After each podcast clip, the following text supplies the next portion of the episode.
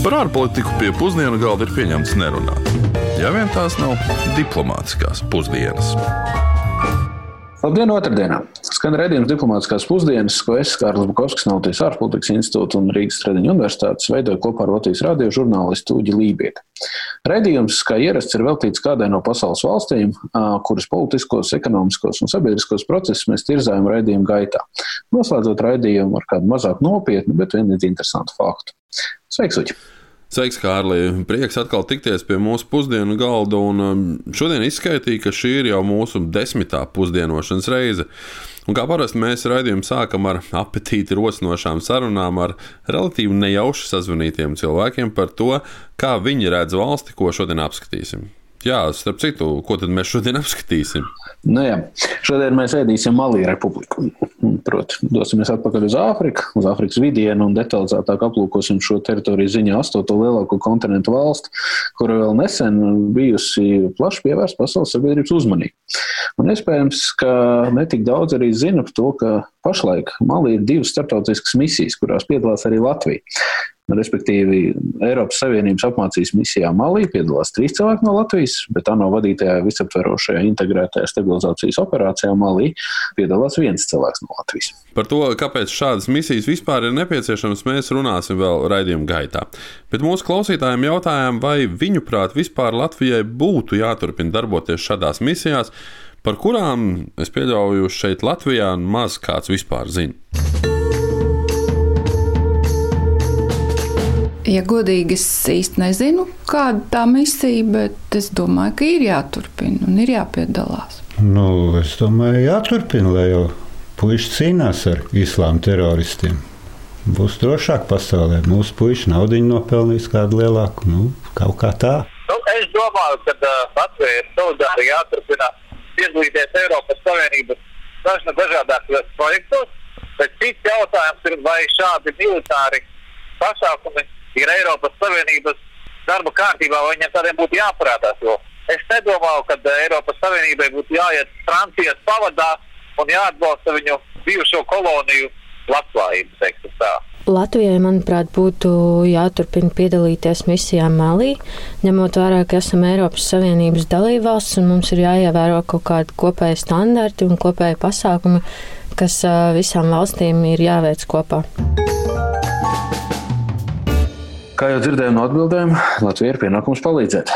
Bet jautājums joprojām paliek, kam tad īsti rūp malī. Proti, valsts, par kuras eksistenci pasaulē zina diezgan maz, Nu, jāsaka, ka arī par Latviju ļoti bieži ir ļoti līdzīga situācija.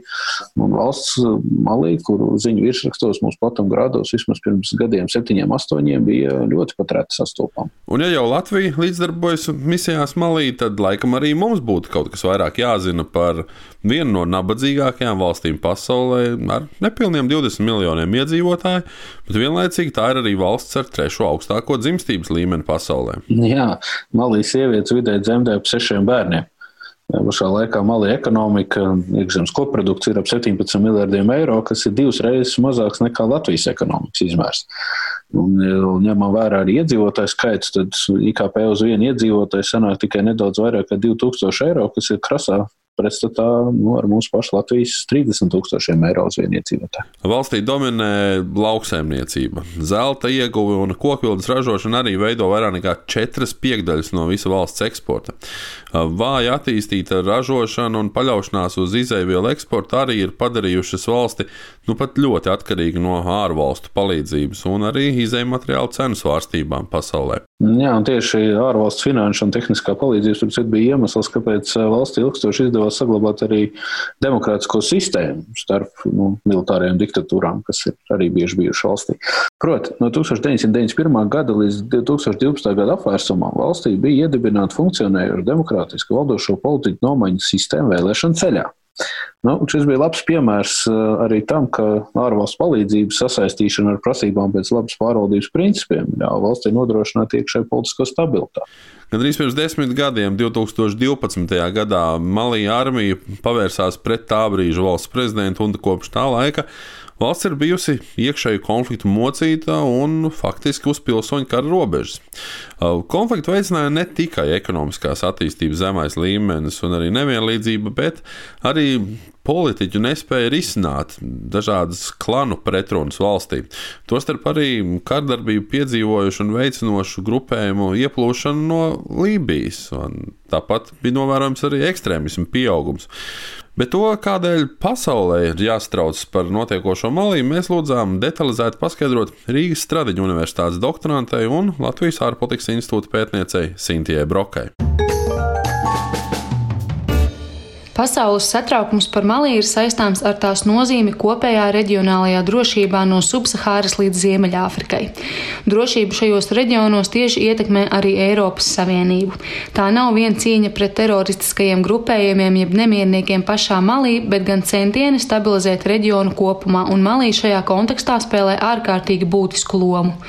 Konfliktu rezultātā no Subsahāras un Ziemeļāfrikas rodas milzīgas migrantu un patvērumu meklētāju plūsmas uz Eiropu kas ir veicinājušas cilvēku kontrabandas un tirzniecības tīklu attīstību. Virkne pārkāpumu pret civiliedzīvotājiem, sievietēm, tostarp arī bērnu tiesību pārkāpumi ir vērojami gan no valsts drošības spēku, gan bruņoto grupējumu pārstāvjiem, kā Malī, tā arī Lībijā. Šo notikumu attīstība, diemžēl, ir konflikta sēkas, līdz ar to pasaulē ir jāiesaistās situācijas stabilizēšanas centienos. Līdz ar to Eiropas Savienības ārlietu padome 2013. gada februārī uzsāka tālāk Eiropas Savienības apmācības misiju Malī. Līdzīgi arī šajā pašā gadā Malī aizsākās ANO vadītā visaptverošā integrētā stabilizācijas operācija. Abu misiju mērķi ir atbalstīt Malī bruņoto spēku apmācību, reorganizāciju, tādējādi sekmējot Malī teritoriālās integritātes atjaunošanos un stabilitāti kopumā. Latvija, kā solidāro alianšu sastāvdaļa kopš 2013. gada līdz 2020. gadam, uz misijām Malī ir piedalījusies ar aptuveni 61 Nacionālo bruņoto spēku karavīru. Lai arī misijas šajā valstī lielā mērā ir teorētiskas milzīgo mentalitātes atšķirību dēļ, tomēr ar misiju klātbūtni situāciju ir izdevies normalizēt. Tomēr tā nemainīgi saglabājas ārkārtīgi trausla. Kolēģis skaidroties precīzi raksturo problemātiku, ka vienā valstī notiekošiem var būt tālajošs seks ne tikai apkārtējās valstīs. Um, respektīvi, vardarbības cēlonis visbiežāk ir nabadzība un iespēju trūkums, un sevišķi kombinācija ar demogrāfiski ļoti jaunu sabiedrību, kur jauniešiem nav cerība, bet vienlaicīgi ir enerģija, spēks un vēlme pēc revolūcijas jaunības maksimālismu. Cilvēcīgas vēlmes radīt sev normālas iespējas un uh, piederības sajūtu ir Visnotaļ sprādzienu bīstams maisījums. Un proti, bailes, ka Malī varētu kļūt par nākamo Lībiju, kur tieši šī kombinācija tika novērota, ir visnotaļ pamatotas. Uh, un šajā brīdī varbūt nedaudz uh, gribētos vairāk pastāstīt, uh, kā šis vardarbības pieaugums ir saistīts arī ar starptautisko terorismu. Un proti, šajā gadsimtā Torija cilts ir īstenojušas pat vairākas militāras un politiskas sacelšanās pret Malī centrālo valdību, kas it kā, kā bija solījusi valsts decentralizāciju, bet nu, tā arī līdz šim to īsti nav paveikusi. Un uh, minētie konflikti pirms aptuveni desmit gadiem aizsākās ar to, ka Tuareg grupējums Nacionālā kustība Azavedes atbrīvošanai apvienojās ar islāmisku grupēju Ansāra Dīna, un uh, Malī Ziemeļs pasludināja par Azavadas islāma valsti. Un interesanti ir tas, ka šim politiskajam veidojumam, ja tā varētu nosaukt, pat izdevās atvērt savu vēstniecību, un kur Nīderlandē. Un, uh, faktiski starptautiskā palīdzība tika prasīta vien tad, kad šie kaujinieki pārņēma kontroli pār Malijas ziemeļiem, arī Timbuktu pilsētu un sāka izpostīt vēsturiskos tempļus. Un pirmā uz šo aicinājumu, protams, atsaucās bijusī koloniālā lielvara Francija, kas ar uh, savu operāciju Servals Pusotra gada laikā atbrīvoja sagrābtās teritorijas, kaujinieku sakāva. Taču, nu, kā jau mēs esam vairāk kārt runājuši, viss šajā pasaulē tomēr ir saistīts, un, un arī Francija ļoti labi apzinājās nepieciešamību garantēt drošību daudz plašākā Sahels reģionā. Jo tas atkal garantētu drošību pašai Francijai. Un tāpēc arī tika uzsākta nākamā operācija Barhane, kas ir kļuvusi par Francijas pretterorisma pīlāru visā reģionā, jo šai operācijai ir arī mandāts darboties gan Čadā, gan arī Nigērijā. Un kopumā šajā misijā darbojas vairāk nekā 5000 Francijas kareivi. Un, ja mēs uzdodam jautājumu par to, vai uz misijām Malī būtu jāsūta arī latviešu karavīri, tad ir vērts pieminēt, ka Francijas lielākie sabiedrotie Malī ir neviena cita kā Igauni, kuriem tur ir 95 karavīri un ir arī 70 dāņi. Un, lai arī Malī darbojas arī ANO mieru uzturēšanas spēki, šī tiek uzskatīta par vienu no upurus visvairāk prasošajām ANO misijām, jo dažu gadu laikā dzīvību šeit ir zaudējuši vairāk nekā simt karavīri. Un tas savukārt ir skaidrojums ar to, ka pēc sākotnējās sakāves um, vēlāk jau 2017. gadā vairākas kaujinieku grupas Malī ziemeļos atkal apvienojās un izveidoja mm, tā dēvēto islāma un musulmaņu atbalstu grupu. Un tā ir zvērējusi savu uzticību grupējumam Al-Qaida, par kuru laikam nekāda paskaidrojuma nav īpaši nepieciešama. Un, kā zinām, grupējums ar plašu tīklojumu visā pasaulē un arī joprojām plašām ambīcijām par spīti sakāvēm. Jā, kā šī situācija varētu attīstīties un kāds ir malī nākotne, to mēs lūdzām vietējām malī ekspertam, politikas zinātņu doktoram Madī Ibrahimam Kantem mums paskaidrot telefonu intervijā. With the current power which has uh, already passed the first, its first term uh, without finding. Ar pašreizējo varu, kas amatā jau ir aizvadījusi pirmo termiņu, nespējot atrast efektīvus risinājumus drošības izaicinājumiem valstī, drošības situācija ir kļuvusi daudz nopietnāka. Šī krīze sen vairs nav saistīta tikai ar teroristiem. Šis iekšējais etniskais konflikts ir izplatījies arī valsts centrālajā daļā un Malī ziemeļos. Ne Malī valdība, ne armija vairs nespēja kontrolēt dažādos bruņotos grupējumus. Tomēr, manuprāt, nākamajos piecos gados tieši politiķiem ir jāpieņem lēmums, kā atrisināt šo starpetnisko konfliktu. Otrakārt, Malī ir milzīgas problēmas ar infrastruktūru. Tikai 3% ceļu ir asfaltēti, 53% cilvēku nav piekļuves elektrībai, 75% iedzīvotāju nav piekļuves veselības pakalpojumiem. Un tagad gan Malī, gan visa pasaule sāk saskarties ar koronavīrusa problēmu. Malī nav ražošanas valsts. Tā galvenokārt eksportē zeltu un kokvilnu un importē gandrīz visas preces.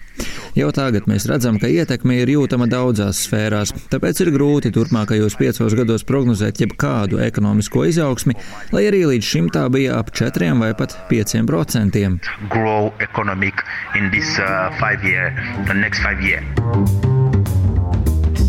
Tad rezumējot, kam tad rūp malī, Nu, laikam jau ne tikai Francijai, kā tas bijušajam kolonizatoram, arī Gauniem, arī Latvijai. Nu, gadījums parāda kārtējo reizi, cik ļoti pasaule savstarpēji saistīta. Nu, mēs absolūti gribam izvairīties no Lībijai līdzīga scenārija. Mēs nevēlamies redzēt humanitāras katastrofas, mēs nevēlamies redzēt bēgļu plūsmas, kas atkal palielinātos uz Eiropu. Un tad pasaules valsts, acīm redzot, ir bijušas gatavas iesaistīties Francijas vadībā cīņā pret bandītiem, teroristiem un separātistu grupējumiem, lai šo konfliktu ierobežotu. Lai cik būtu paēdis, vienmēr ir vieta arī desertam. Nu, visai pasmagas mums tās pusdienas šodien sanākušas, nu, bet arī valstis ir dažādas un sabiedrības atšķiras. Tāpēc šodien desertā prasītos, kas tāds pozitīvs un kā labs deserts arī diezgan padārgs, vai ne? Es tam pilnīgi piekrītu. Tādēļ es labprāt tev pastāstīšu par malijas zeltu. Kā jau minējām iepriekš, zelts ir ļoti nozīmīga malija ekonomikas daļa. Malija ir trešais lielākais zelta ieguvējs Āfrikā. Nu, tas veido aptuveni 70% valsts eksporta.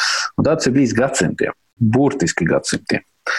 Uģi, vai tu esi dzirdējis par uh, Mansa Musa, jeb Malī mūsu pirmo visu laiku bagātāko cilvēku? Atzīšos, ka līdz šim raidījumam nebiju dzirdējis pilnīgi neko. Hmm.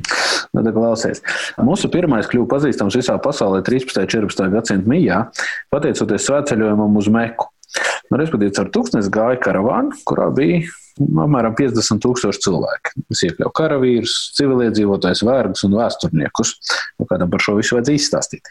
Nu, protams, ka lielākai karavānai bija nepieciešama arī ievērojama apkope. Tādēļ saskaņā ar vēsturiskajām kronikām Mansa mūsu paņēma līdzi vairāk nekā 12 tonnas zelta. Nu, šis te svētceļojums ilga apmēram gadu. Katrā pilsētā, kurā valdnieks brauca, viņš lika uzbūvēt mošai. Mūsu izdalīja zeltu nabadzīgiem un pirka preces par pārmērīgām cenām. Un tā neliela mācība ekonomikā, ka liek vien piebilst, ka iepludinot ekonomikā tik daudz zelta, tā vērtība kritās. Un lielākajās tā laika pilsētās, reģionā, Kairā, Medīnā un Mekā, nākamajos desmit gados notika zelta devalvācija. Savukārt, atpakaļ ceļā mājās Mans Musa aizņēmās zelta lielos apjomos un ar augstām procentu likmēm. Interesanti, bet šis vispār tiek uzskatīts par vienīgo gadījumu vēsturē, kad viena persona faktiski regulēja zelta cenu. Ja nemaldos, Malīša štata kases papildināšanas līdzeklis tajā laikā bija arī zelta un sāls iegūta. Tieši tā. Ir bieži gadījumi, kad sāls sāli pret zeltu mainīja attiecībā viens pret viens. Pat. Jā, Malī patiešām novērtēja sāli. Tāpat kā saldu tēju, ko no viena trauka lejot uh, trīs reizes. Ja jums piedāvā ceturto tasīti, tad šajā kompānijā jūs vairs neesat vēlams.